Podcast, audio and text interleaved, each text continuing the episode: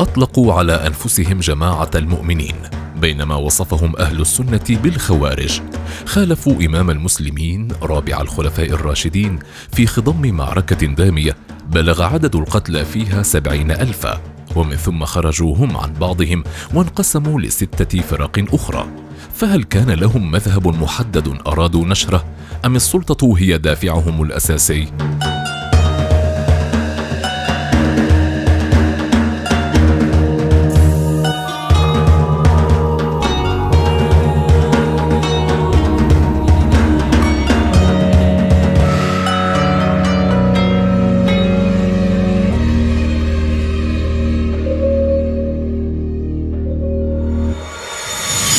أنتم تستمعون إلى بودكاست فرق دينية من إنتاج فيتس برو أجلس على مقاعد الاحتياط مصاحبا خمسة آخرين. ننتظر دورنا للمشاركة في المباراة الحماسية التي حضر الجميع للمشاركة فيها من شباب الجيران إلى زملاء العمل. كرة القدم تبقى الرياضة الأكثر شعبية بين قطيع الرجال والتي حرمنا منها بسبب فيروس كورونا اللعين. هنا نستطيع الخروج عما أصبح مألوفا وهو الكمامة التي أصبحت ملتصقة بوجوه الجميع. أكرهها ولا أستطيع سماع نصف حديث من يخاطبني. الجو جميل مع مشارف الشتاء والجميع متحمس لتفجير طاقاتنا المكبوتة.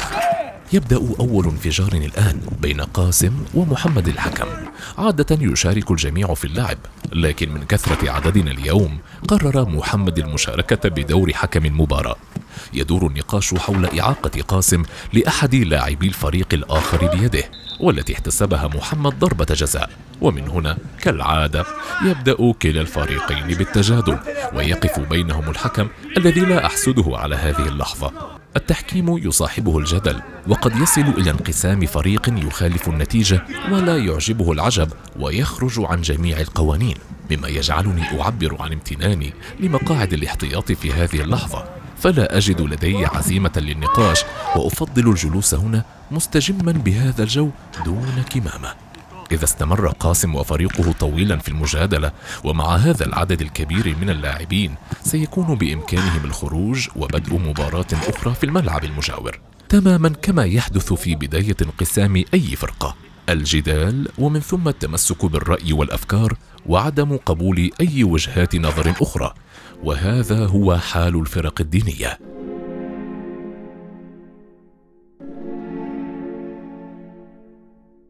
فرقة خرجت على الإمام رابع الخلفاء الراشدين أمير المؤمنين علي بن أبي طالب رضي الله عنه في خضم حرب صفين التي دارت بين علي بن أبي طالب ومعاوية بن أبي سفيان في السنة السابعة والثلاثين للهجرة.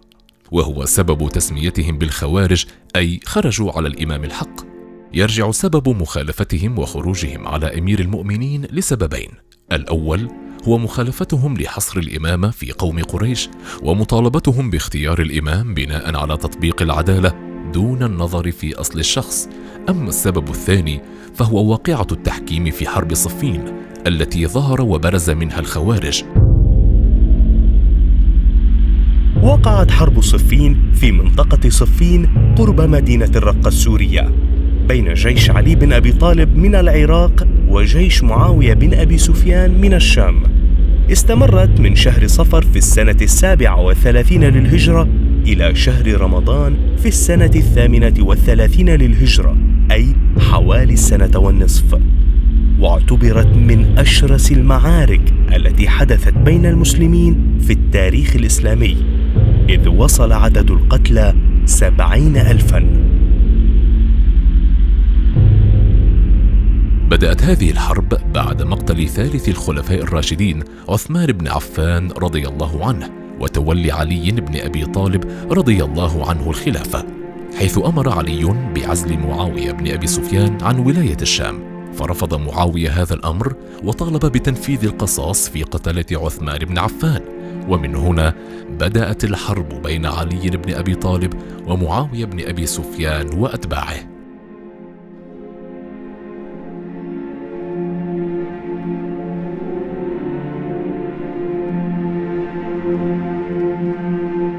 لماذا وجد معاوية بن أبي سفيان أنه أحق في المطالبة بدم عثمان بن عفان؟ وماذا كان موقف علي بن أبي طالب من تنفيذ القصاص؟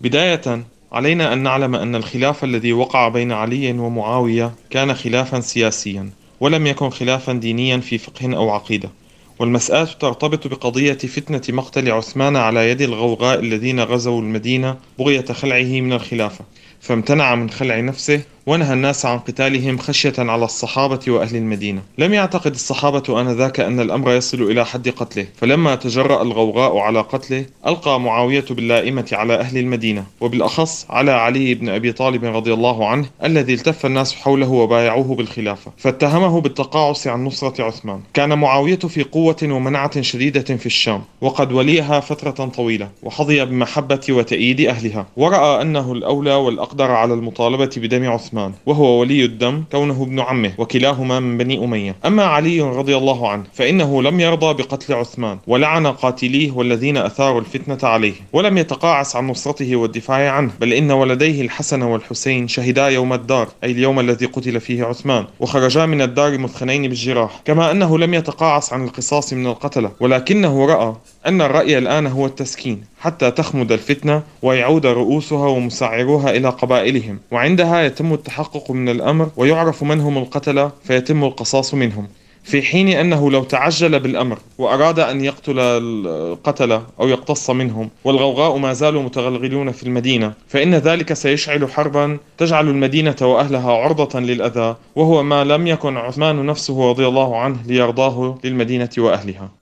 السبب الثاني لمخالفة الخوارج للإمام وتأسيسهم فرقة الخوارج هو كما ذكرنا واقعة التحكيم في خضم حرب صفين شعر معاوية بالخطر والهزيمة بعد مقتل العديد من أتباعه فشار عليه الصحابي عمرو بن العاص الذي اختار نصرة معاوية عن علي بن أبي طالب بأن يرفعوا المصاحف على الرماح دلالة على الاحتكام لأوامر الله والشريعة بينهم عوضا عن القتال. يا أهل العراق كتاب الله بيننا وبينكم. أجب القوم إلى كتاب الله فإنك أحق به منهم. وقد أحب الناس البقاء وكرهوا القتال. لم يوافق أمير المؤمنين علي بن أبي طالب في بادئ الأمر لكن أقنعه أتباعه وجيشه بالموافقة على التحكيم بما أنهم رفعوا كتاب الله ولجأوا إلى القرآن الكريم. الخوارج هم من خالفوا نتيجة التحكيم.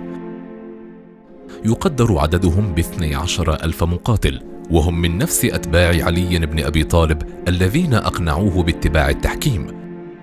ويمكن توضيح سبب مخالفتهم بالرغم من تأييدهم فكرة التحكيم في بادئ الأمر بالمكيدة التي وقعت خلال التحكيم.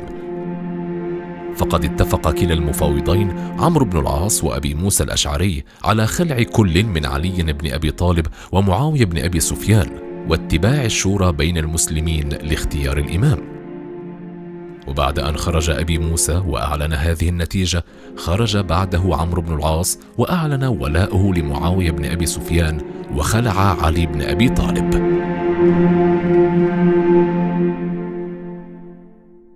ومن هنا تراجع أتباع علي بن أبي طالب عن التحكيم وطالبوه بمواصلة القتال.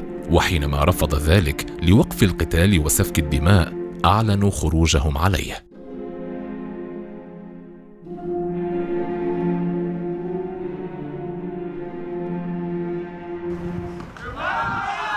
وأخيرا توصلنا لحل محنة المباراة بخروج قاسم المعترض على التحكيم لأخذ استراحة ودخول مكانه. والحمد لله لم يتشدد أحد ويتمسك بوجهة نظره ولم ننقسم. اشتهر الخوارج بالتعصب لآرائهم والتشدد. مثل تكفير مرتكبي الكبائر من شرب الخمر والزنا فلا يؤمنون بالتوبة. كما يميلون إلى كثرة الجدال والقتال وعدم الخضوع للنظام حيث قاموا بعدة ثورات ضد الدولة الأموية التي أسسها معاوية بن أبي سفيان في بلاد الشام. بعد أن فهمنا سبب مخالفة الخوارج لأمير المؤمنين علي بن أبي طالب رضي الله عنه، لماذا أنكروا أيضا إمامة عثمان بن عفان رضي الله عنه، في حين اعترفوا بإمامة أبي بكر الصديق وعمر بن الخطاب رضي الله عنهما؟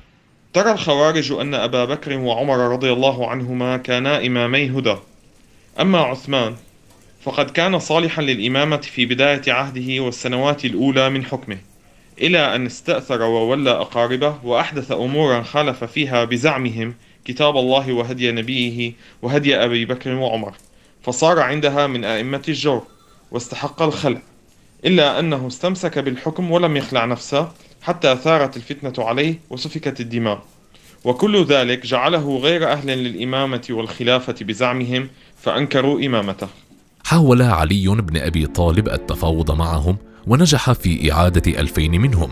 أما البقية فقد قرروا البقاء في قرية الحرورية التي نزلوا بها بعد واقعة التحكيم.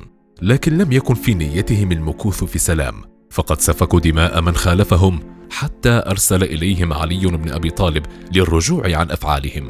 ومرة أخرى لم يوافقوا وقتلوا رسله. فنزل أمير المؤمنين إليهم وزحف الخوارج حتى التقى الطرفان في ناحية النهروان شرقي بغداد. وهنا وقعت معركة النهروان التي أباد فيها علي بن أبي طالب الخوارج إلا من فر منهم بين سبعة إلى عشرة خوارج فقط.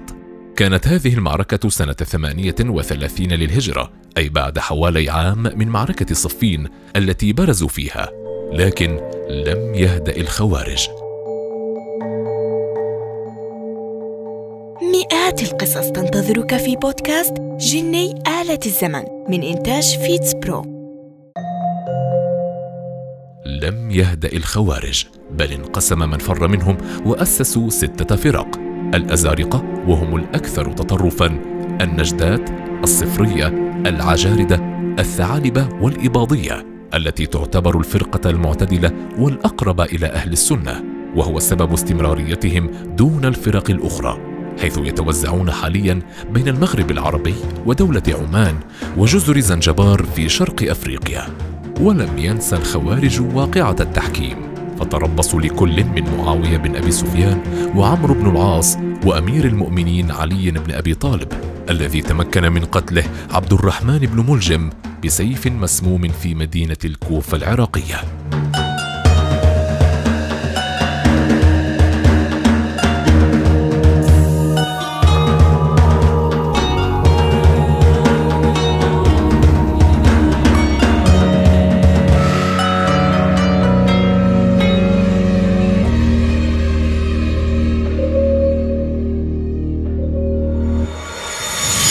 استمعتم إلى بودكاست فرق دينية من إنتاج فيتس برو